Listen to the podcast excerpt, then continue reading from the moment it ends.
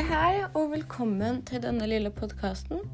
I dag så skal jeg snakke om den britiske dramatikeren Tom Stoppard, stykket 'Every Good Boys Deserve Favor' og postmoderne teater.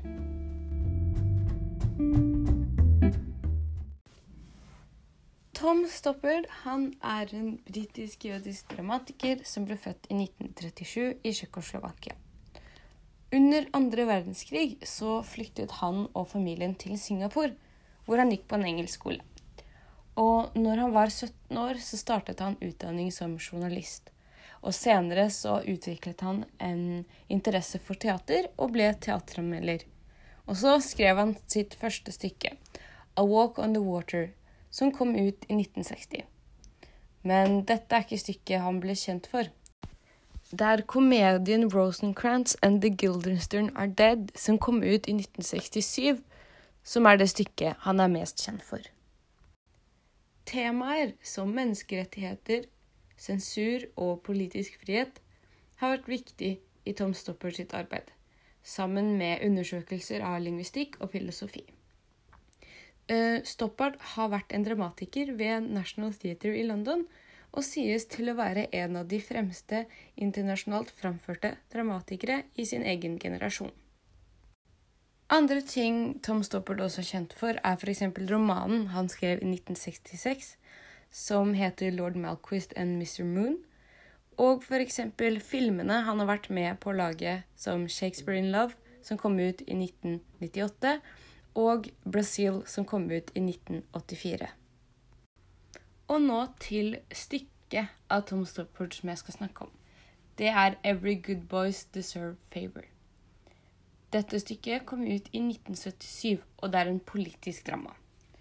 Stykket sin oppbygning er en enakter med kun seks karakterer, eh, og når det kommer til scenografien, så er den veldig enkel. Eh, den er ikke komplisert i det hele tatt. Eh, og det finnes mange personer. Jeg har sett masse bilder, men oftest er den veldig tydelig på sted, uten for mange rekvisitter eller sceneelementer. Musikken til dette stykket er skrevet av André Previn, og stykket ble spilt for første gang 1.7 som en del av dronningen i England sitt sølvjubileum.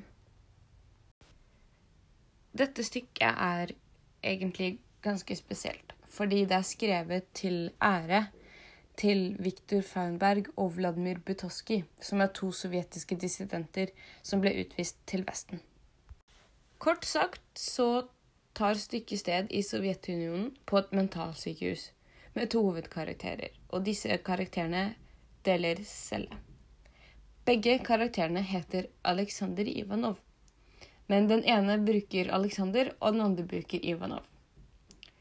Alexander sitter inne for et uakseptabelt synspunkt innenfor politikk, mens Ivanov er rett og slett gal og schizofren. Andre karakterer i stykket er Sasha, sønnen til Alexander, doktoren, læreren til Sasha og kolonel Rosinski. Og nå til kjennetegn og virkemidler med dette stykket. Eh, som jeg sa tidligere, så er Stoppard opptatt av ytringsfrihet og menneskerettigheter. Eh, og det kommer ofte ved at Stoppard bruker karakterer som er undertrykt, eller som blir behandlet urettferdig. Akkurat som eh, Alexander, som sitter inne for et annerledes politisk syn. Et annet eksempel på urettferdig behandling er når læreren til Sasha, altså sønnen til Alex, prøver å bevise han eh, om farens ikke-eksisterende sykdom. Fordi Alexander eh, er jo ikke syk. Han sitter bare inne pga. et eh, annet politisk syn, og det er jo urettferdig behandling av staten. Et av de største virkemidlene med dette stykket er jo det fulle orkesteret som er til stede under hele forestillingen, som en del av scenografien.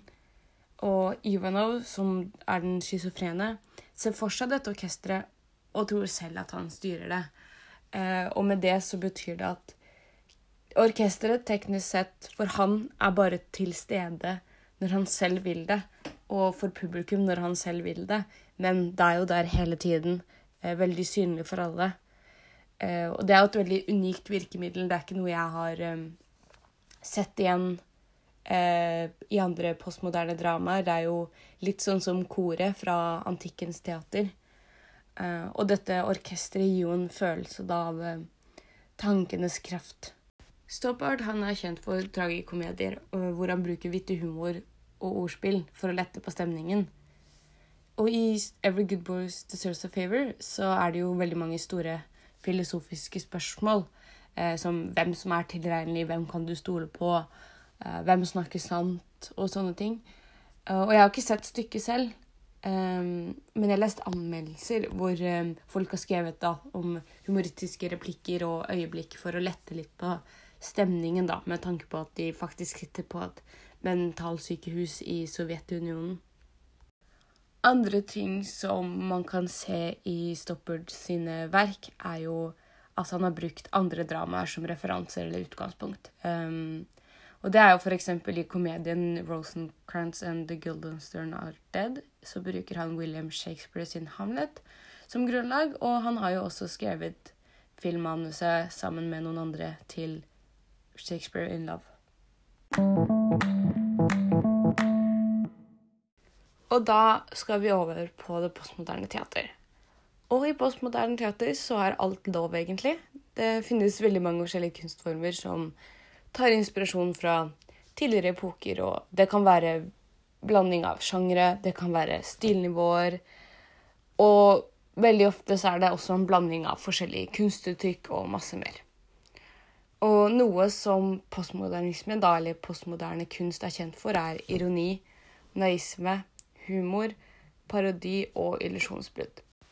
Andre ting som også er vanlig blant postmodernistisk kunst, er en sammenblanding av ulike former. Eh, og det kan jo være vakkert og ekkelt, seriøst og useriøst, eller fiksjon og fakta. Og det siste punktet, fiksjon og fakta, er jo noe Stoppard bruker i dette stykket, eh, med at situasjonen er fakta. Det er jo en realistisk hendelse som kunne ha skjedd på et mentalsykehus i Sovjetunionen på den tiden. Eh, men igjen så er det fiksjon eh, hvor Ivanov ser for seg dette orkesteret som spiller når han selv tenker det. Andre postmodernistiske ting i eh, stykket til Stoppard og andre verk av han generelt, er jo dette med det politiske og denne undertrykkelsen. Og i postmodernismen så er det jo veldig vanlig å skrive om feminisme og nedtrykkelse og f.eks. dette her med mentale lidelser er jo veldig mange ting som kommer opp i postmodernismen. Og han tar jo som sagt dette her opp. Eh, ikke bare det med at han skriver om en person som er schizofren på et mentalsykehus, men også dette her med politiske kamp, da. Eh, for å ha frihet for sin egen politiske mening og politisk vilje.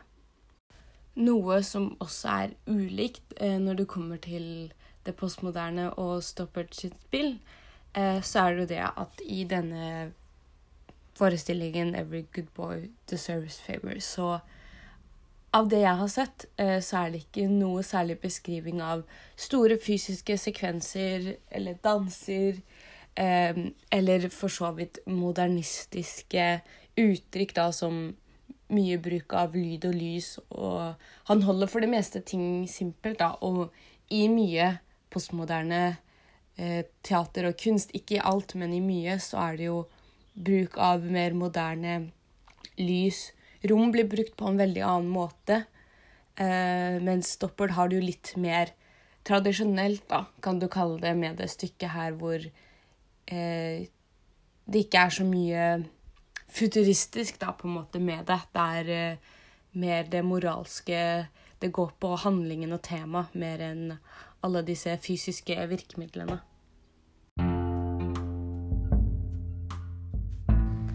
Og med det så sier jeg tusen takk for at du hørte på denne lille podkasten. Og kildene jeg har brukt, er Complete Review av Every Good Boys Deserves a Favor, Wikipedia-siden til Every Good Boys Deserves a Favor, Store norske leksikon for Tom Stoppard og Wikipedia-sidene både på engelsk og norsk til Tom Stoppard. Og så har jeg brukt The Guardian for et review av Every Good Boy Deserves a Favor. Og som vanlig så har jeg også brukt Kompendiet og OneNote.